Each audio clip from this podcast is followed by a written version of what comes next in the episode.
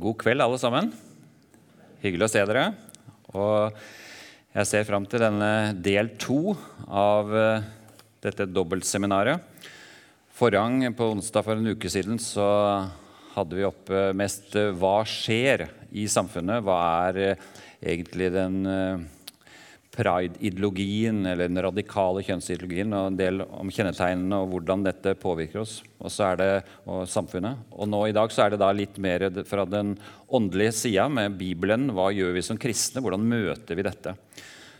Men jeg må jo ha litt sånn repetisjon bare for å sette det inn i sammenhengen. Og de av dere som ikke var til stede forrige gang, får sånn bitte lite tilbakeblikk også ut ifra noe av det vi snakket om sist. Uten at jeg viser de samme bildene, så blir jo tematikken litt i begynnelsen.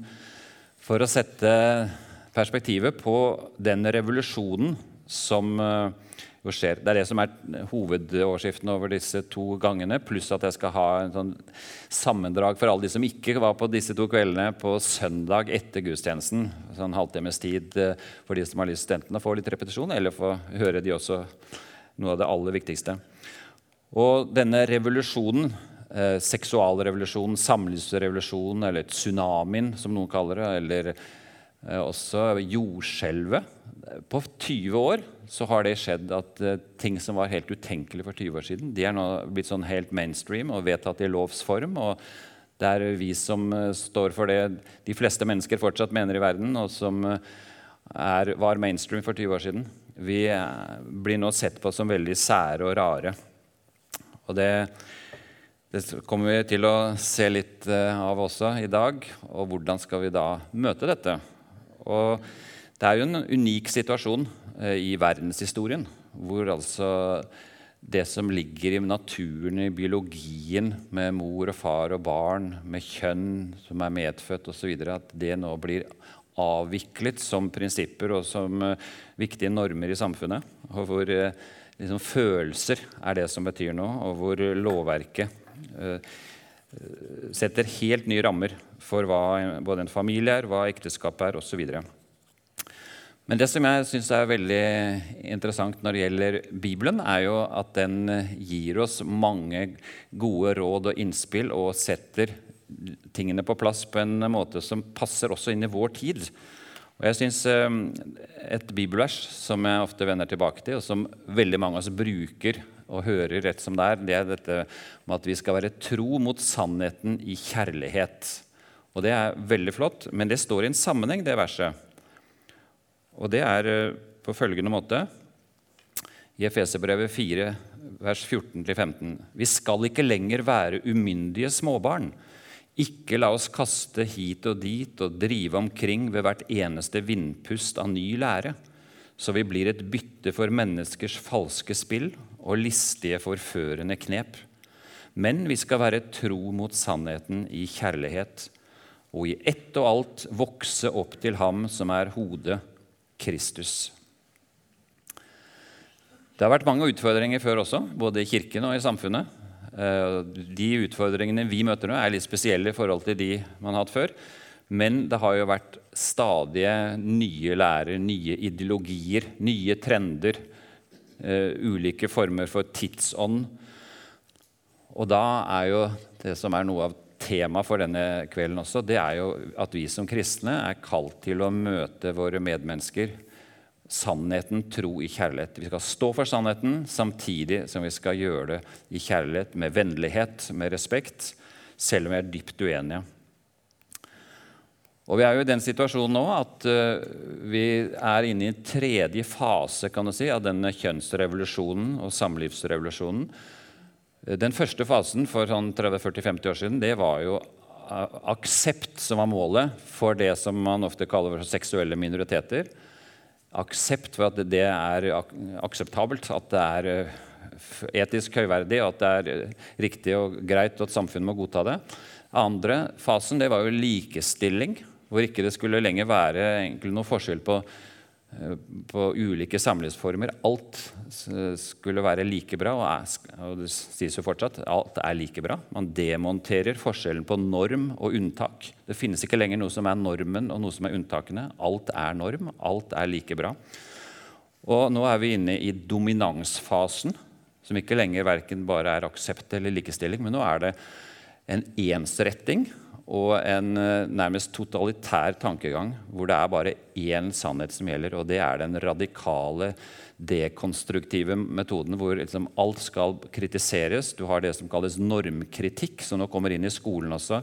Hvor du skal kritisere normene og demontere dem, fordi de er ofte gammeldagse, de er undertrykkende, og de er patriarkalske osv. Og da, da, er det jo ikke minst samlivsetikken som eh, er målet for denne dekonstruksjonen. Vi så eh, forrige gang litt på hvordan samfunnet hadde utviklet seg med lovgivning, en sånn tidslinje, hvordan Stortinget og lovverket har utviklet seg. Nå skal vi se litt på hva som har skjedd i Kirken. Eh, for det også er jo interessant på de 30 årene som er gått siden 1990. Så har det jo vært en uh, intens samlivsdebatt i Den norske kirke. Og Fra 1990 så var det tematikken homofili som sto i sentrum.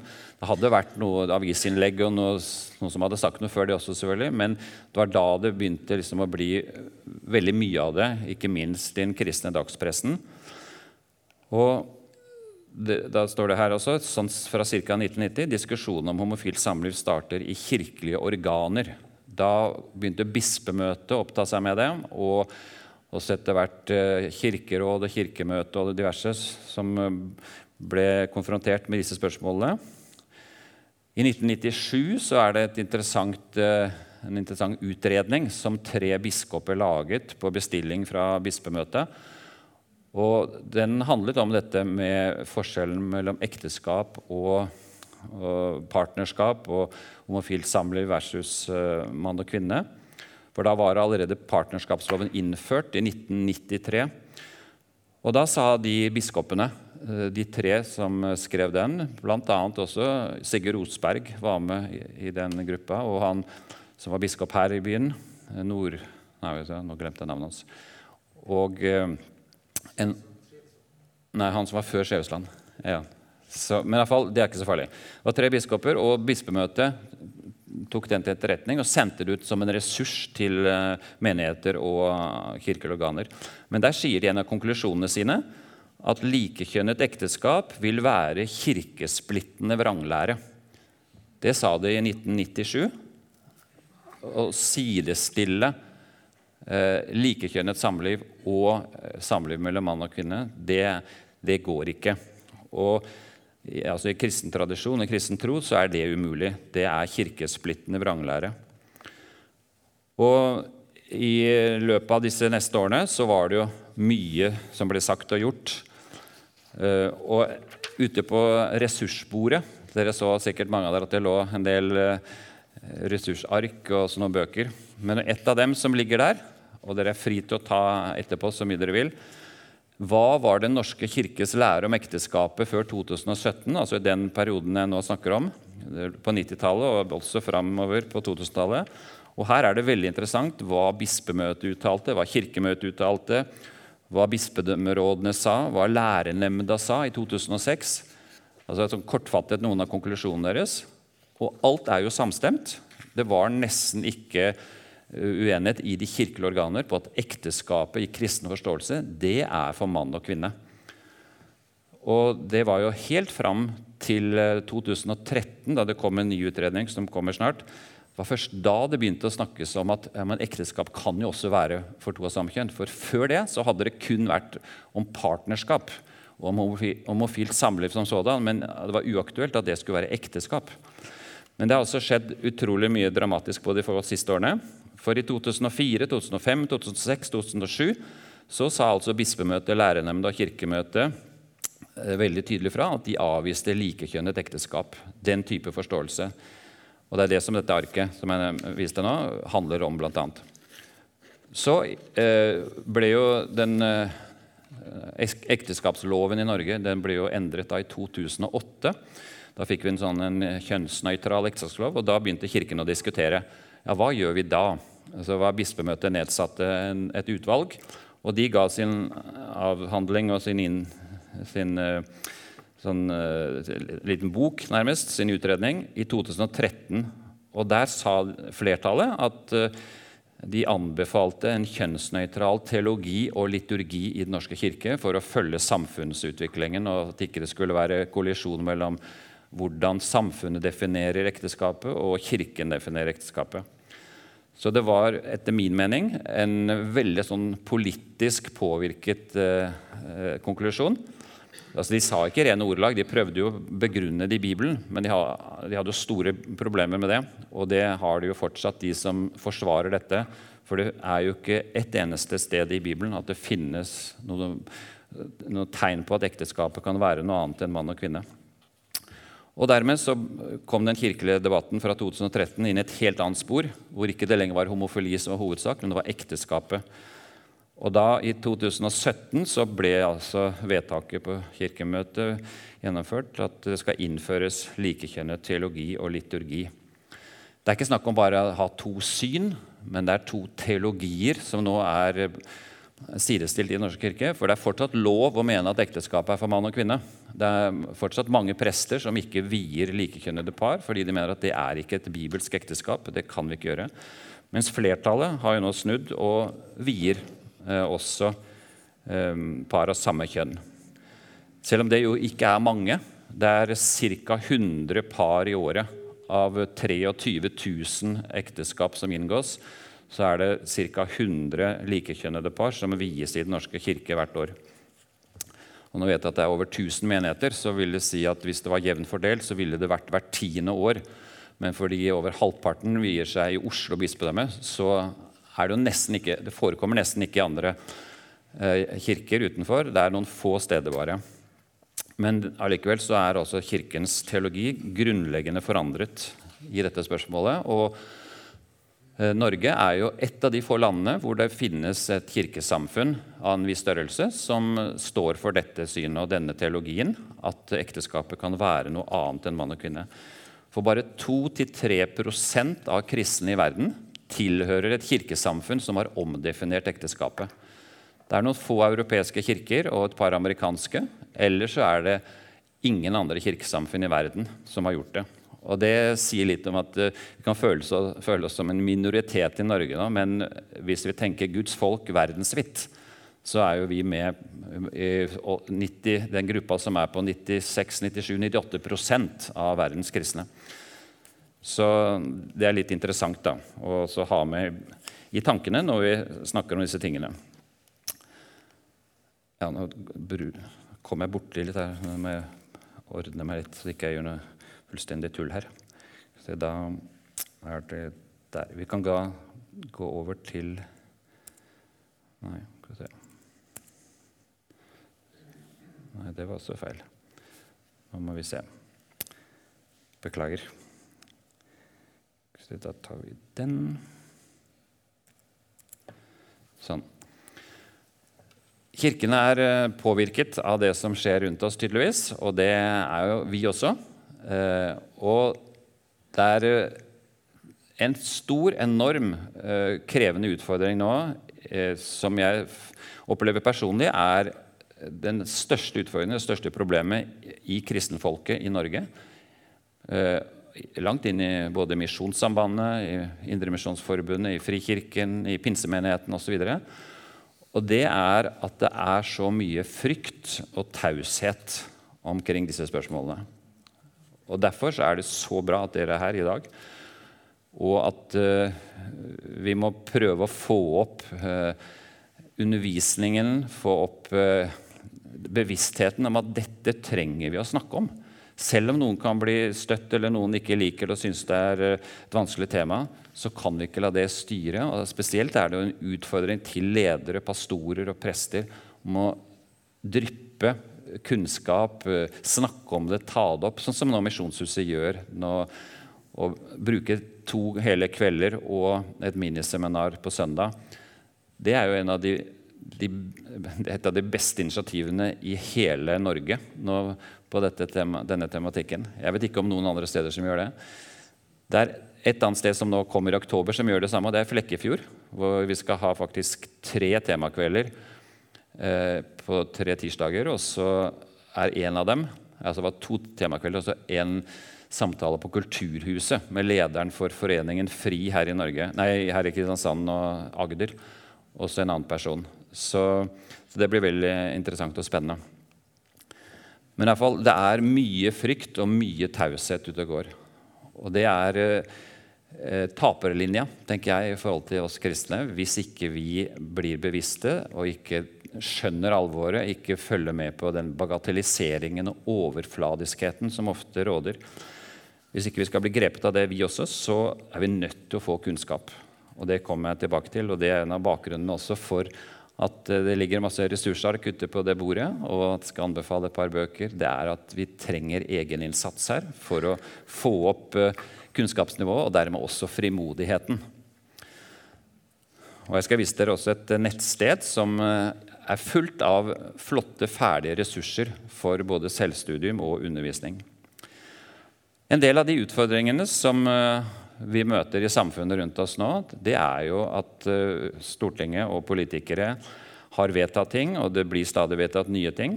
For det første, ta, Dette er en litt sånn tilfeldig liste over ting som har skjedd, og som er, er skikkelig alvorlige.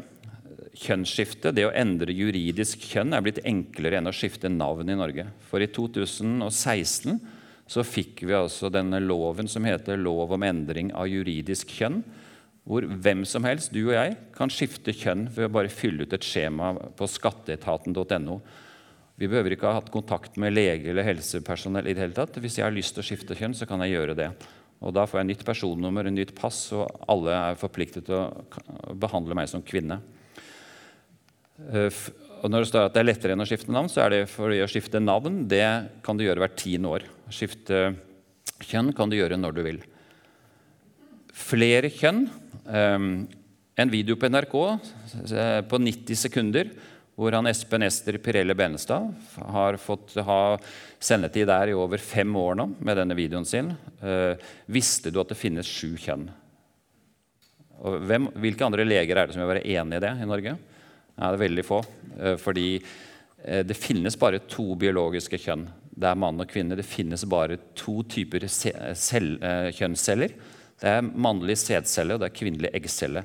Det er ingen andre typer kjønn som formerer seg, som kan reprodusere seg, for det er mann og kvinne. Men så omdefinerer man kjønn. da. Eh, at Kjønn er ikke bare biologi, kjønn er også følelser. Og da finnes det mange. Og Da vil jo mange si at sju er altfor lite. Det finnes faktisk ifølge mange over 70 kjønn og kjønnsidentiteter, avhengig av hvordan du definerer forskjellen på kjønn og kjønnsidentitet. Hvis du ønsker å bli medlem i, eller bli bruker av Facebook i England og skal skrive inn profilen din, så kan du velge 'man or woman' eller 'other'. Så kan du klikke på 'other', så får du opp 69 forskjellige kjønnsidentiteter. Så da har du 71 forskjellige valgmuligheter. Og nå har jeg hørt, Dette har allerede vært noen år. så er, det siste jeg har lest er at Nå nærmer det seg 100, faktisk, ikke på Facebook, men sånn i, i disse miljøene. 100 forskjellige varianter, og mange er jo dubletter, for det er mannlig og kvinnelig variant. Men det er et fullstendig kjønnsanarki, hvis man skal være helt presis i ordbruken her. Så er det fri flyt når det gjelder kjønn. Og Det tok jo ikke minst av i Norge da denne nye lov om eh, endring av juridisk kjønn kom og ble vedtatt enstemmig i Stortinget, bortsett fra KrF og Senterpartiet. Og Vi skrev en, eh, en helside, eller faktisk to stykker, i Vårt Land og Dagen og Norge i dag de ukene før denne loven ble vedtatt. Denne, en protest hvor vi skrev om hva dette vil føre til, å endre hele kjønnsforståelsen i samfunnet. Og det har jo slått i alt sammen, dessverre. Og en annen vi hadde inne, 'Der menn føder barn'. For det er jo noe mulig i Norge. En som blir definert som mann, han står i folkeregisteret, og hvis du bare leser om vedkommende ikke ser ham i live, så er det altså en, eh, en, kvinne som har blitt juridisk mann, som kan føde barn. For, og da regnes hun som mann i, i alle aspekter i det norske samfunn. Så De to brosjyrene er veldig interessante og ligger også ute på bordet der. hvis noen vil ta med seg. Og Der ligger det også plastlommer, så ta en plastlomme og putt arken oppi der. Punkt tre. Det, vi fikk i 2017 en ny likestillings- og diskrimineringslov med omvendt bevisbyrde på det punktet hvor det dreier seg om å krenke eller såre eller diskriminere noen pga. deres sitat, kjønns, nei, seksuelle orientering, kjønnsidentitet eller kjønnsuttrykk. Og da Hvis noen anklager meg, for ser på som svært sannsynlig i løpet av neste årene, og kanskje dere også, noen av dere, hvis dere sier noe offentlig, anklager meg for å ha krenket dem, så er jeg skyldig til det motsatte er bevisst. og det vil si Jeg må selv bevise at jeg er uskyldig. Så det er en av de få lovene i Norge med omvendt bevisbyrde. Og De samme uttrykkene eh, kommer etter hvert inn i en ny lov også. Men før vi kommer dit eh, I 2016, samme året som eh, denne lov om endring av juridisk kjønn kom, likestillings- og diskrimineringsloven ble revidert i 2017, men året før det så kom altså Poli Norge. Polyamorøse forhold vil jo si at det er flere enn to. Der poli betyr jo mange, så du kan være tre, fire, fem og ha et seksuelt samliv, gruppeekteskap eller hva du kaller det. Og Der er det noen, noen hundre medlemmer nå som jobber aktivt for å få juridiske rettigheter og rammer rundt sine, sine Det er ikke parforhold lenger, men det er altså trioer og kvartetter og sånn. Og Mange spør seg også når eh, to kvinner kan gifte seg, og to menn kan gifte seg, hvorfor kan ikke tre kvinner gifte seg? Det er ikke noe diskriminerende det. Det er jo verken kvinneundertrykkende eller noe annet. Eh, hvorfor kan ikke de, de få gifte seg eller bli eh, respektert og anerkjent? Og det sier jo Foreningen FRI også. De er jo for polyamorøse forhold og mener at foreningen Poli Norge har en god sak som de også støtter. Og nå er vi midt oppi revisjon av straffeloven. Eh, om en uke, den 17. september, det er torsdag neste uke, så skal det være høring på de to paragrafene blant 185 og 186, som er eh, om hatefulle ytringer, om diskriminering, om å krenke, om å eh, uttale seg med ringeakt for en annen person av, Så blir det nye formuleringer inn i straffeloven Eh, pga. seksuell orientering, kjønnsidentitet eller kjønnsuttrykk. Så det, det, sier da den loven og de, paragrafene at hvis noen gjør det, så er strafferammen opptil tre års fengsel eller bot. Og Det blir veldig spennende hva, og utfordrende og skremmende på mange måter. Hva vil denne loven føre til, og hva vil rettspraksisen bli? Eh, for det å, skulle, det å diskriminere noen eller å vise ringeakt pga. kjønnsidentitet, hvor det altså finnes over 70 forskjellige og Går det an å påstå da offentlig i møte for diskusjon med en person det finnes bare to kjønn, og indirekte at når du sier at du er et tredje, eller fjerde eller femte kjønn, så stemmer ikke det. Det er jo krenkende for den personen. Og da kan vedkommende sannsynligvis anmelde eh, den som uttaler det, og få bot og kanskje fengsel. I Canada, hvor de har noe, hatt en lignende prosess og ligger litt foran oss, der var det f.eks. en eh, radiovert på en lokalradio som sa at det skal være noe tilstelning hvor det er en kvinne i mannskropp, altså en juridisk kvinne, men som er mann, som skal eh, gjøre et eller annet. Og Da ble det stor rettssak, og han tapte. Han radioverten radioverten måtte betale 000, nei, 30 000 dollar i bot. Så 300 000 kroner i bot for å ha sagt det. Så her er det mye juridiske eh, utfordringer i årene som kommer. Og dette med straffeloven blir jo da avgjort i løpet av høsten. nå. Justiskomiteen skal avlegge sin innstilling til Stortinget. og Det blir sannsynligvis ja, den 20. oktober. Og det blir sannsynligvis avstemning før jul om det blir de endringene. Og så er det fertilitetsmarkedet stadig større aksept for kjøp og salg av sæd og egg, donorer og surrogatmødre. Hundrevis av norske kvinner drar til Danmark for å få eh, kjøpe sæd av ukjent donor, eh, sånn at verken barnet eller kvinnen kan få vite noe om hvem som er faren eh, resten av livet. Vi lever skjult osv. gå an å kjøpe sæd og egg i forskjellige sædbanker og eggbanker. og Det er en milliardindustri. Og flere og flere nordmenn syns at det er helt greit. Noen får barn på den ene måten, noen på den andre. Hvis folk har lyst på, lyst på barn, så må de få lov til det.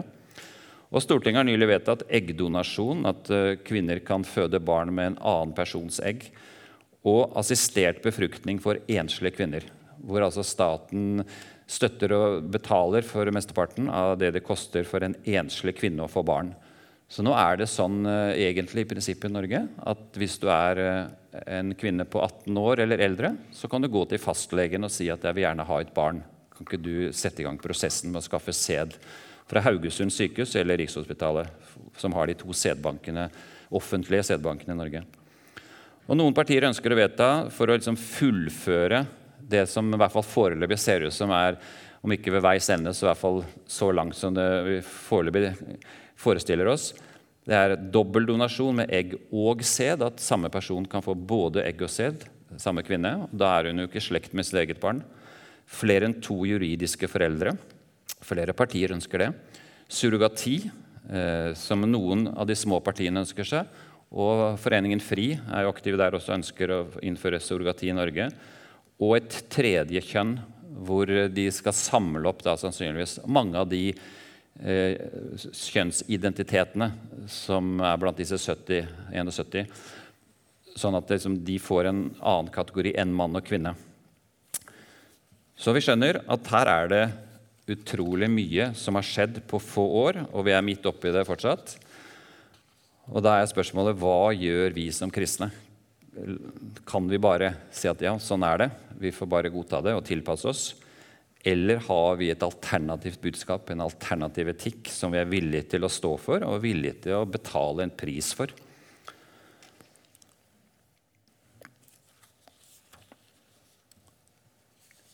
Et eksempel på dette med fertilitetsmarkedet, som uh, står der på punkt 6, det er noe som uh, er en artikkel på en Facebook-side, og som beskriver egentlig det som som er tilfellet med mange norske kvinner og andre lands kvinner som drar til Danmark for å få seg eh, barn med anonym donor.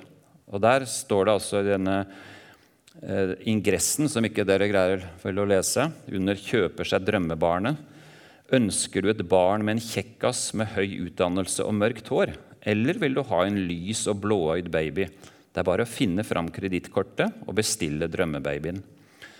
Og så er det da en artikkel på ca. fire sider som beskriver hvordan norske kvinner kan gå fram for å, å få det barnet de ønsker seg, ved å kjøpe sæd på denne sædbanken som heter Kryos i København, som er verdens største sædbank. Og hvor man da kan lese opplysninger om bakgrunnen, bakgrunn, om alder, selvfølgelig nå, om uh, interesser, om personlighet, utdannelse. Og hvis du betaler noen tusener ekstra, så får du også lydfiler fra da det, den mannen var barn, og også noen barnebilder. Ja, sånn kommer kanskje mitt barn til å ligne på, osv. Så, videre. så dette er uh, sånn, det, den nye måten å skaffe seg barn på for en del mennesker, og hvor ingen tør å protestere. Det er nesten ingen som tør å kritisere dette, fordi da sårer det jo de kvinnene som gjør dette. Og det bare sniker seg inn mer og mer aksept for at uh, dette er jo egentlig ikke så, så, ille. Og Da er det jo interessant å lese en, et lite leserinnlegg i Aftenposten for noen år tilbake. Lite stas å være ufrivillig fareløs. Jeg har vokst opp med en sædcelle til far og kan fortelle lesber og eventyrlystne at det ikke har vært noen stas. Man er og blir historieløs og svar skyldig når temaet far kommer på bane, og det er ofte.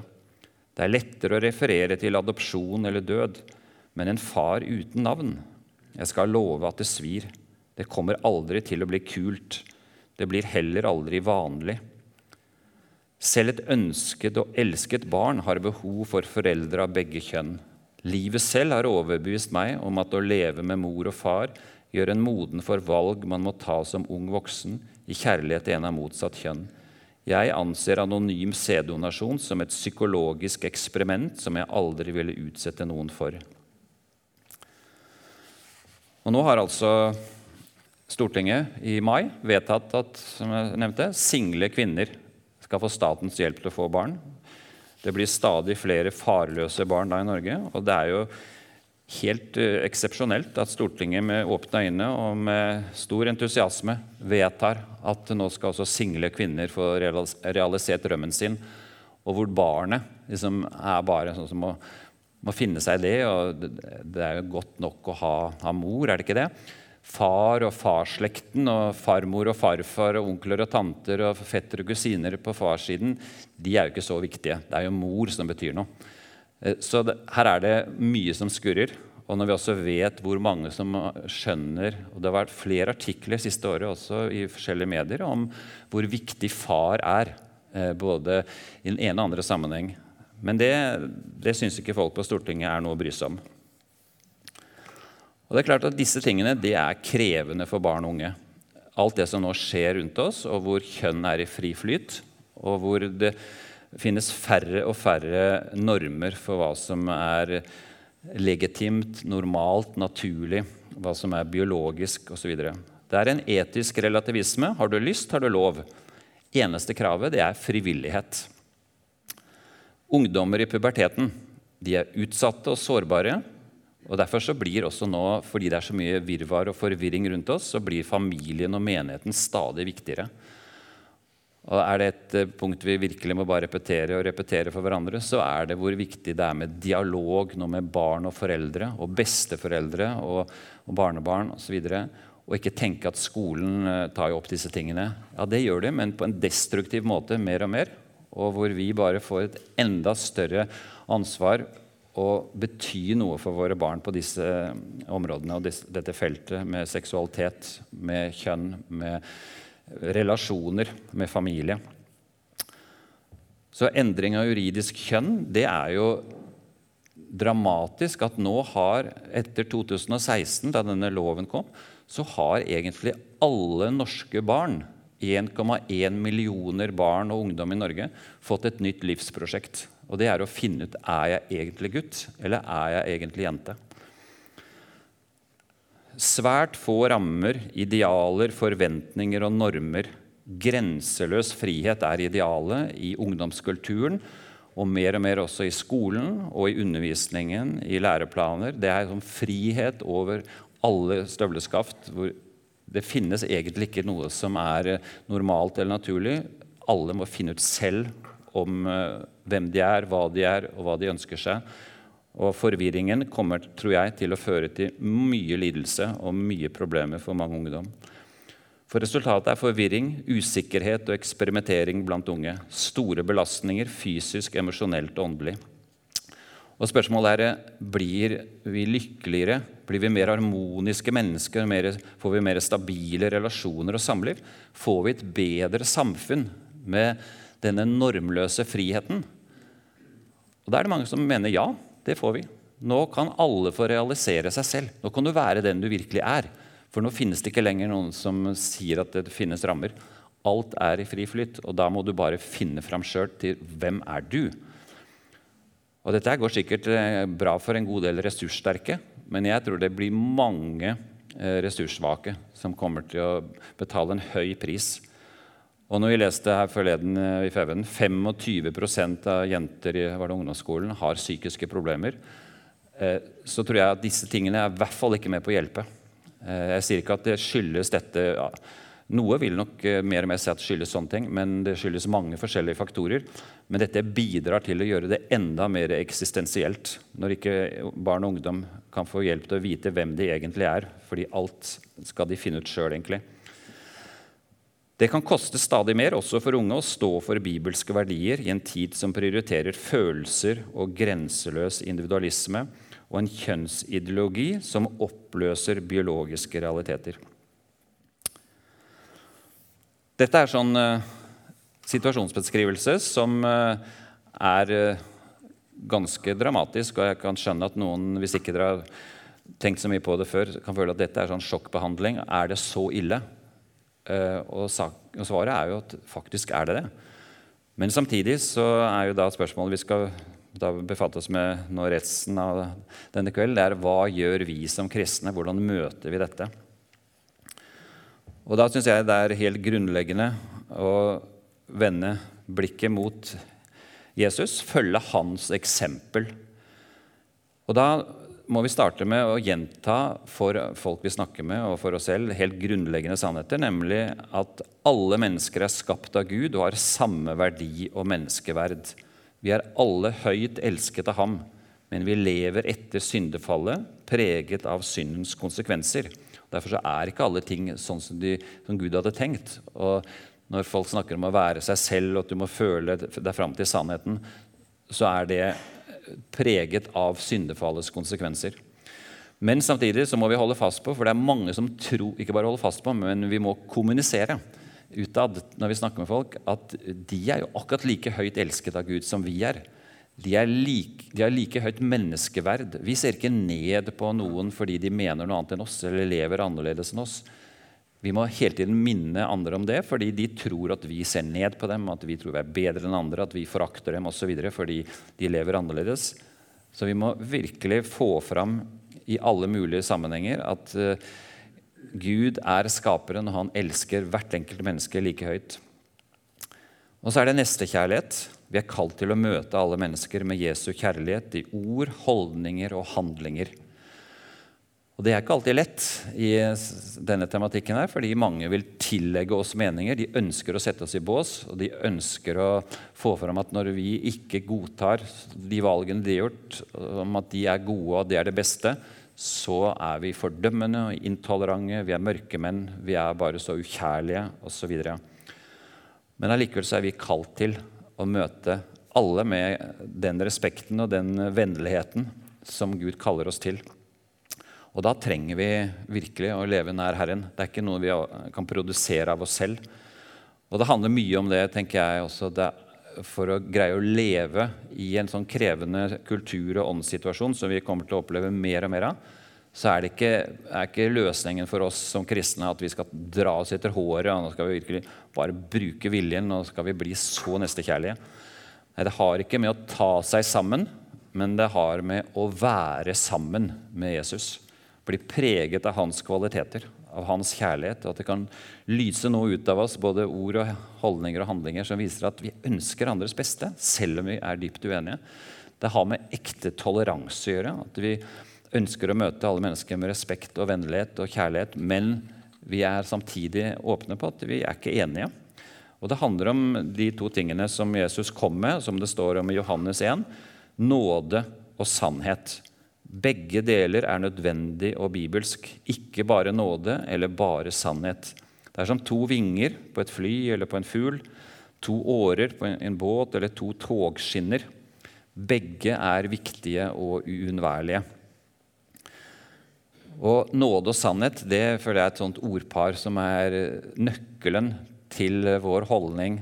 Ikke bare til folk som er uenige med oss når det gjelder kjønn og seksualitet, men generelt når vi møter mennesker, det er å møte dem med nåde og sannhet. Eller som en uh, har sagt også, De ordene er jo veldig sånn store og litt luftige. Uh, nåde og sannhet de, de er så uh, enormt store, så hva betyr det egentlig i praksis? Og da er det en som har sagt det veldig greit, en pastor i Frikirken, at vi kunne kanskje i stedet si vennlighet og tydelighet som er eh, en eksemplifisering og en, en, definisjon av nåde og sannhet. Vennlighet kan møte mennesker eh, på en vennlig måte. Og det er jo interessant at det er jo faktisk en av åndens frukter. Kjærlighet, glede, fred, overbærenhet, vennlighet, godhet. Så det å være vennlig og møte andre, også våre mest bitre meningsmotstandere, med vennlighet, det er eh, i tråd med viktige både prinsipper og dyder i Bibelen. Også tydelighet eller sannhet, at vi står for det vi gjør og er klare på det uten å behøve å provosere, men at vi vitner om hva vi tror på. Og som jeg vel sa også sist onsdag, som jeg syns er et veldig godt ordpar, nemlig vi er ikke kalt til å vinne diskusjoner, men vi er kalt til å vitne om hvem vi tror på, hva vi tror på, hvorfor vi tror på det. Og Da må vi kunne begrunne det og ha såpass kunnskap at vi er trygge på hva vi står for. Det er jo veldig innlysende for eh, alle som har lest en del i Bibelen, at Bibelen er egentlig krystallklar når det gjelder ekteskapet. Det er Guds skaperordning for mann og kvinne. Det er et entydig budskap i skapelsesberetningen, i de ti bud, i Jesu liv og lære, i alle beretninger, eksempler, symboler, undervisning gjennom hele Bibelen, så er det bare ett svar, og det er at ekteskapet er mann pluss kvinne. I Det gamle testamentet så er Gud brudgom, Israel kalles brud, men hun er ofte utro med fremmede elskere og avguder. I Nytestamentet er Kristus brudgommen, og menigheten er bruden. Gammeltestamentet og Nytestamentet er konsekvent og samstemt i at ekteskapet er for mann og kvinne. Det finnes ikke ett eneste unntak i hele Bibelen. Så det er i hvert fall en uh, veldig uh, viktig sannhet og erkjennelse å ha med seg. Og som også er årsaken til at uh, ekteskapsforståelsen og ekteskapsteologien er jo noe av det mest felleskirkelige som eksisterer. Alle kirker fram til i vår tid har anerkjent hverandres ekteskap fordi det er mann og kvinne. Noen kaller det et sakrament, sånn som katolikkene. For andre er det en, en viktig handling, selve inngåelsen. Og også ekteskapet som institusjon er Guds, en av Guds sentrale skaperordninger. Men det har aldri vært noe diskusjon i noe kirkesamfunn før nå for 10-15 år siden i i noen europeiske kirker og et par amerikanske, som jeg nevnte, så har det aldri vært diskusjon om at ekteskapet er noe annet enn mann og kvinne. Det står alle kirkesamfunn for, og nesten samtlige fortsatt. Men det å vike av fra det er jo mye mer radikalt enn eh, andre varianter av ekteskap, med polygami eller med andre former. For det med at ekteskap er for samme kjønn, det er så nytt og det er så radikalt at uh, det nesten ikke finnes forbilder på det i historien. I hvert fall ikke i kristen sammenheng. For der har Kirken fra dag én vært enig med seg selv om at ekteskapet er det Bibelen sier der. Det har ikke vi mandat til å omdefinere. Og For å gi en veldig kort og pedagogisk samtidig som den er hyperenkel ved at det er bare ett eneste vers som er utgangspunktet, men en forståelse av hva Bibelen sier om ekteskapet, så er det verset som står fire steder i Bibelen. Opprinnelig da i skapelsesberetningen i første Mosebok, og så er det Matteus 19, Matteus, Markus 10 og Efeserne 5. Det er dette verset da i oversettelsen fra Bibel 2011. Derfor skal mannen forlate sin far og sin mor og holde fast ved sin kvinne eller sin hustru, og de to skal være én kropp. Derfor skal mannen forlate. Altså det er en voksen, selvstendig person. Det er ikke noe snakk om barnebruder og den slags. Forlate. Det er et oppbrudd, det er en ny livsfase med ny lojalitet. Forlate sin far og sin mor, altså den naturlige familien med mor og far. Holde fast ved. Eh, det er en ny familie og en ny sosial enhet med livslang trofasthet. Og Det ordet kan også oversettes med 'være limt sammen med'. Det er noe som virkelig hører sammen, og som ikke er beregnet på å skulle skille. Med sin kvinne, eller eh, altså holde fast ved sin kvinne eller sin hustru. Det er altså mann og kvinne, to kjønn som tilhører og utfyller hverandre. Det er kjønnspolaritet. Og de to det er et par bestående av én mann og én kvinne. Det har jo vært eh, polygami, eksempler på det i, opp gjennom historien. Mange religioner og andre kulturer. Og så har vi noen eksempler i Gammeltestamentet uh, hvor noen konger og rike folk hadde flere koner. Og det er jo ikke Guds opprinnelige skaperordning. Uh, I skapelsesberetningen, som dette verset er tatt fra, så er det de to. Det er mannen og kvinnen. Og i Jesu lære og i apostlenes hele Nytestamentet er også helt solklar på det. Det er ikke ett eksempel i Nytestamentet på noe polygami. Og Derfor har jo også Kirken alltid ment at eh, Guds skaperordning for ekteskapet det er én mann og én kvinne. Prosess med kjærlighet, læring og utvikling, det å være en kropp, og da, siste ordet her, én kropp, en unik enhet mellom mann og kvinne, som så fører til familie og som regel foreldreskap. Dette er eh, en, eh, synes jeg, en litt sånn artig måte å framstille Bibelens eh, teologi om ekteskapet. og som er eh, syntetisk form, men som jo stemmer med alle de andre stedene i Bibelen som omhandler det samme. Og det står jo om ekteskapet om Guds skapelse av mann og kvinne og førte dem sammen og, hver, Gud førte dem sammen og innstiftet ekteskapet også ved å be dem om å være fruktbare, danne familier, og så skulle de formere seg. Og, og menneskene har det at denne eh, si, institusjonen, eh, mann og kvinne som får felles barn, som grunncellen i enhver kultur, har jo vært det bestandig. Eh, men det er det som nå er i oppløsning i noen vestlige land, og deriblant Norge. Og Det som nå skjer, det er jo en frontkollisjon på mange sånne temaer innen dette, dette området, nemlig når det gjelder kjønn. Hva er kjønn? Hvor mange kjønn? Hvordan går det an å bytte kjønn? Og så Seksualitet. Hva er dens mening, hva er dens rammer? Hva er hensikten med seksualiteten? Foreldreskap. Hvem er foreldre? Hvordan blir man foreldre? Har barn bare to foreldre, eller har de tre eller fire? Eller kanskje de ikke har to engang, har de bare én? Og det er da eh, legitimt og, og bra for dem. Barn, hvilke rettigheter har de? Både til sine egne foreldre og på andre måter. Ekteskapet, er det en sosial konstruksjon som Stortinget har mandat til å omdefinere, og som Kirkemøtet kan omdefinere? Familie, hva er egentlig en familie? Nå finnes det jo i departementets eh, jeg vet ikke om det, jo, det står jo et eller annet sted noen rapporter og en sånn stortingsproposisjon, så tror jeg de regnet opp 25 forskjellige familiekonstellasjoner som er mulige, og som alle skal være likestilt i Norge. Eh, så bare du kaller noe familie, så er det familie. Og de regner også enslige som familie. Så det er alt fra én person som er familie, til eh, flere som lever sammen. Og så er det betydning av slekt, slekt og blodsbånd. Betyr det noe at eh, vi hører sammen i slekter, at vi kan drive slektsforskning? For det er ikke, det er ikke selvsagt lenger for en del eh, eh, tusener av personer etter hvert i Norge når det er gått en generasjon eller to.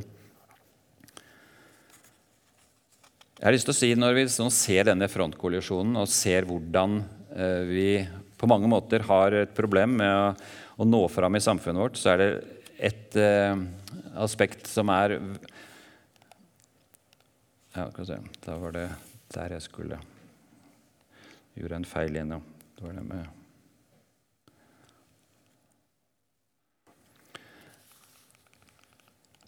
Dette med toleranse.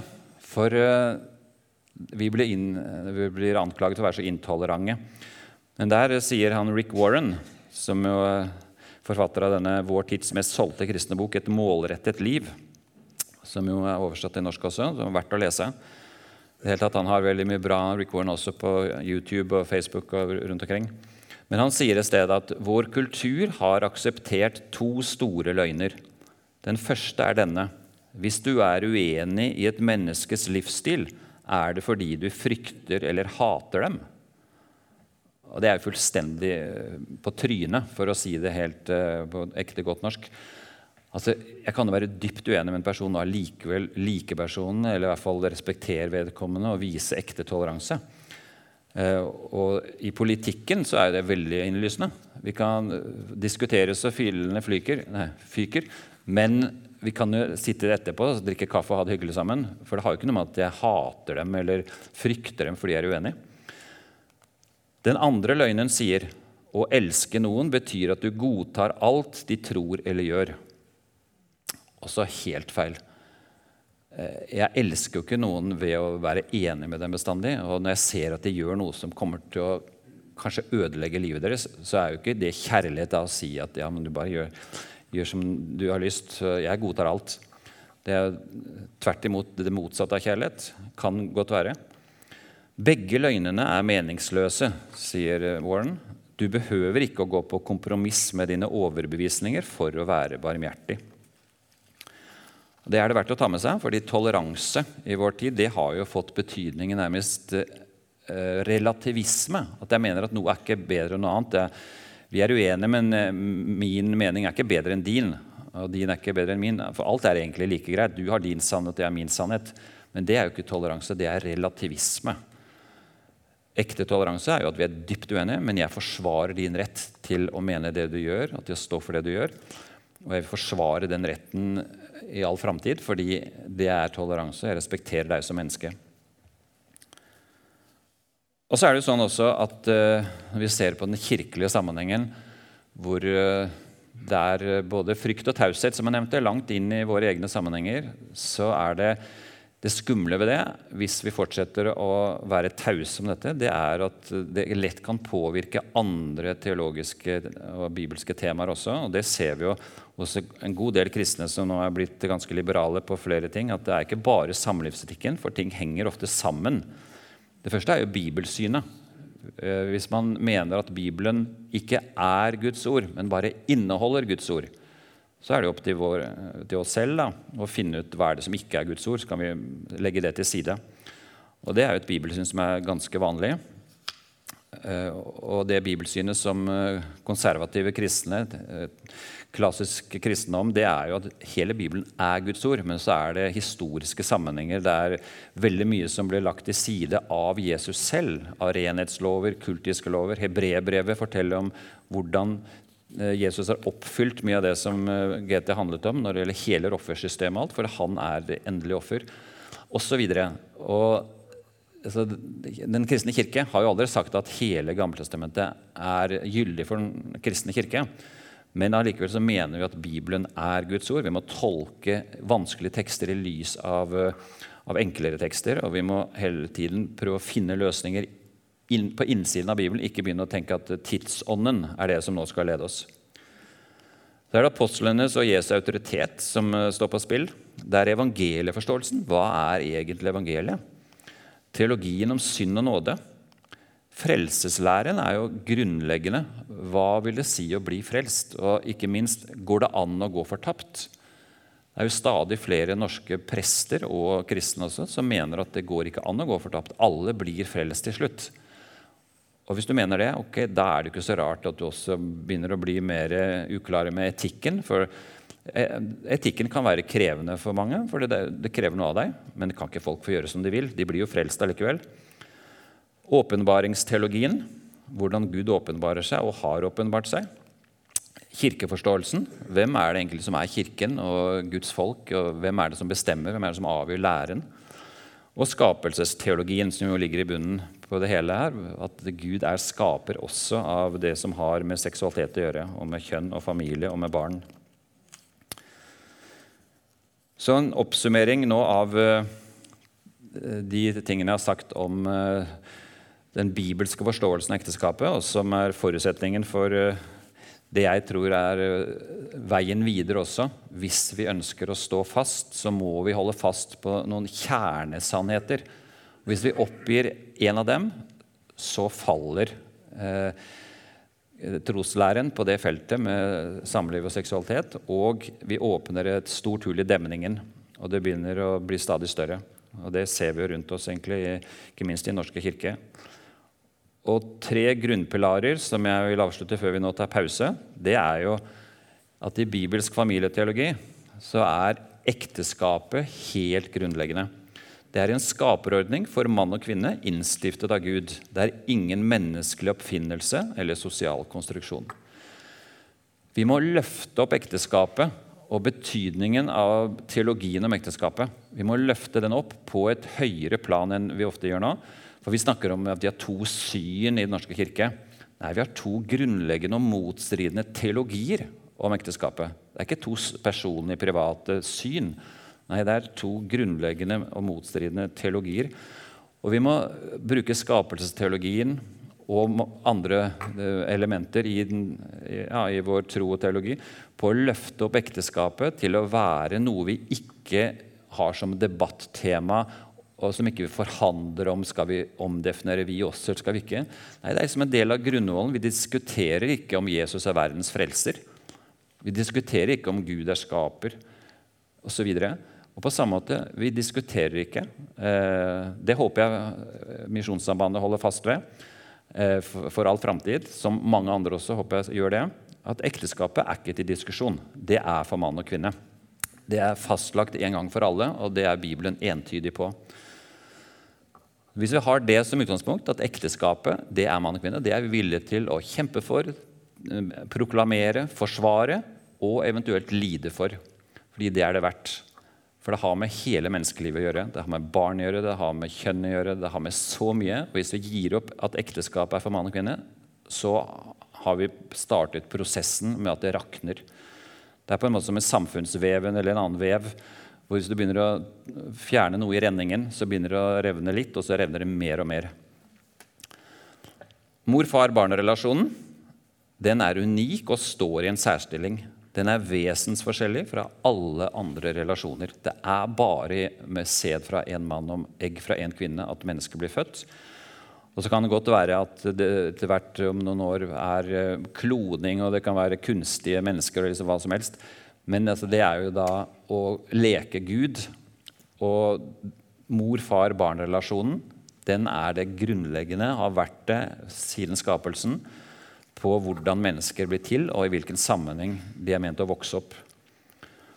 Og så er det barneperspektivet. Barn har en gudgitt rett til sin egen mor og far. Ingen har lov til å frata dem denne retten. Verken mor eller far er overflødig.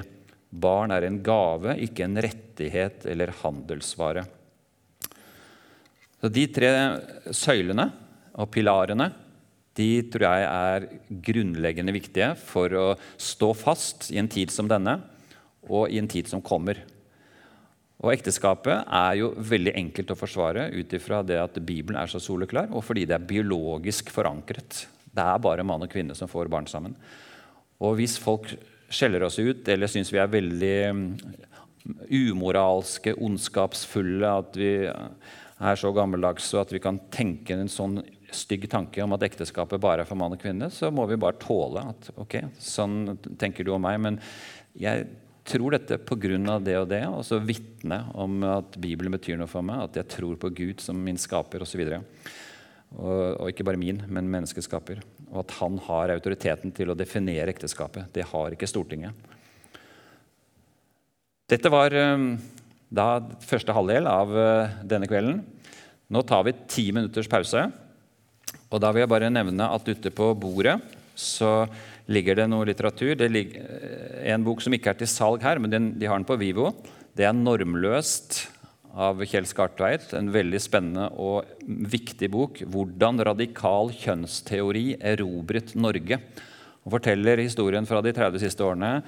Hva som har skjedd eh, både på Stortinget og i kulturen ellers, og hva som holder på å skje. Den ble skrevet og ferdig i august i fjor, så den er akkurat ett år gammel. Men han er veldig oppdatert. Og Eh, du får en ny utgaven som du eventuelt kjøper da på Vivo eller på annen bokhandel. Du kan bare si hvilken bok det er, så bestiller de den i hvilken som helst bokhandel. Men støtt Vivo. Det er viktig. Så kjøp den der. Men nå er det også kommet det, de siste sidene her i boka er på engelsk, for det er Yogyakarta-prinsippene som eh, de fleste ikke har hørt om, men som er veldig viktige prinsipper som faktisk regjeringen har brukt som utgangspunkt for å lage mange av disse nye lovene, som aldri har blitt offentlighet, de er aldri oversatt til norsk gang. Og likevel så bak ryggen vår så bruker de prinsipper og dokumenter som ikke folk vet om. Eh, og Den er nå oversatt til norsk, den Yogakarta-erklæringen, eh, som er sånn en pride, et pride-dokument på mange måter og som uh, brukes internasjonalt nå. Og Den er nå blitt oversatt og er kommet i den nyeste utgaven av denne boka. Den er tykk, men den kan leses veldig enkelt uh, som oppslagsbok eller sånn her og der, fordi innholdsfortegnelsen er veldig detaljert. så det er lett å finne fram. Så har Espen Ottosen en veldig flott bok som er en revidert utgave av hans eh, bok for ti år siden, 'Mine homofile venner' som nå er eh, gitt ut om igjen, men med flere, noen flere vitnesbyrd, livshistorier. Også et 40 siders tillegg av Bjørn Helge Sandvei, som var jo eh, lærer i gresk på Menighetsfakultetet gjennom mange år, som selv har homofile følelser, og som er sannsynligvis Norges største kjenner av gresk kultur av gresk og bibelsk eh, ideologi og teologi, og som har et veldig godt, er det beste på norsk, tror jeg, behandling av hva sier egentlig Det nye testamentet om disse tingene. Og så er det en bok som finnes flere eksemplarer av. altså Den også får du enkelt på Vivo. Um, det ligger der ute bare for at du skal se uh, hvis du vil kikke på dem. Og så er det en bok 'Gutt og jente', som eh, er altså en bok for ungdom primært, men også voksne har stor glede av å lese den, for du lærer både ting som ikke du har tenkt på før, og så er det en bok du godt kan lese selv for å være trygg på hva du gir bort. hvis du gir den til barn og barnebarn og andre. Den er beregnet på eh, ungdom fra ca. konfirmantalder oppover.